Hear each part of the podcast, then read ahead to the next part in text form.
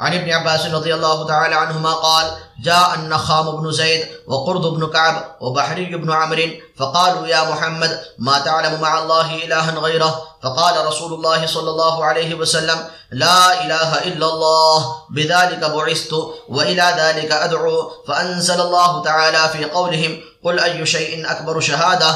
الآية أخرجه ابن إسحاق وابن المنذر وابن أبي حاتم وأبو الشيخ كذا في الدر المنصور حضور اقدس صلی اللہ علیہ وسلم کی خدمت میں ایک مرتبہ تین کافر حاضر ہوئے اور پوچھا کہ اے محمد، تم اللہ کے ساتھ کسی دوسرے معبود کو نہیں جانتے یعنی نہیں مانتے؟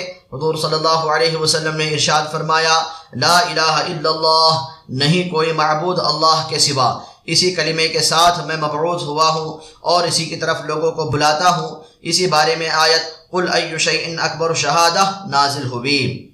فائدہ حضور اقدس صلی اللہ علیہ وسلم نے ارشاد فرمایا کہ اسی کلمے کے ساتھ میں مبعوث ہوا ہوں یعنی نبی بنا کر بھیجا گیا ہوں، اور اسی کلمے کی طرف لوگوں کو بلاتا ہوں۔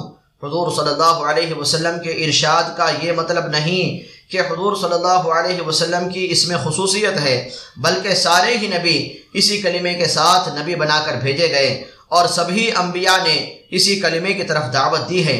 حضرت آدم علیہ نبینا و علیہ صلاۃ والسلام سے لے کر ختم الانبیاء، فخر رسول صلی اللہ علیہ وسلم تک کوئی بھی نبی ایسا نہیں ہے جو اس مبارک کلمے کی دعوت نہ دیتا ہو۔ کس قدر بابرکت اور محتم بشان کلمہ ہے کہ سارے انبیاء اور سارے سچے مذہب اسی پاک کلمے کی طرف بلانے والے اور اس کے شائع کرنے والے ہیں۔ آخر کوئی تو بات ہے کہ اس سے کوئی بھی سچا مذہب خالی نہیں۔ اسی کلمے کی تصدیق میں قرآن پاک کی آیت قل ای شیء اکبر شہادہ نازل ہوئی۔ جس میں نبی اکرم صلی اللہ علیہ وسلم کی تصدیق میں خود حق تعالی شانہ کی گواہی کا ذکر ہے۔ ایک حدیث میں وارد ہے کہ جب بندہ لا الہ الا اللہ کہتا ہے تو حق تعالی شانہ اس کی تصدیق فرماتے ہیں اور ارشاد فرماتے ہیں، میرے بندے نے سچ کہا ہے، میرے سوا کوئی معبود نہیں۔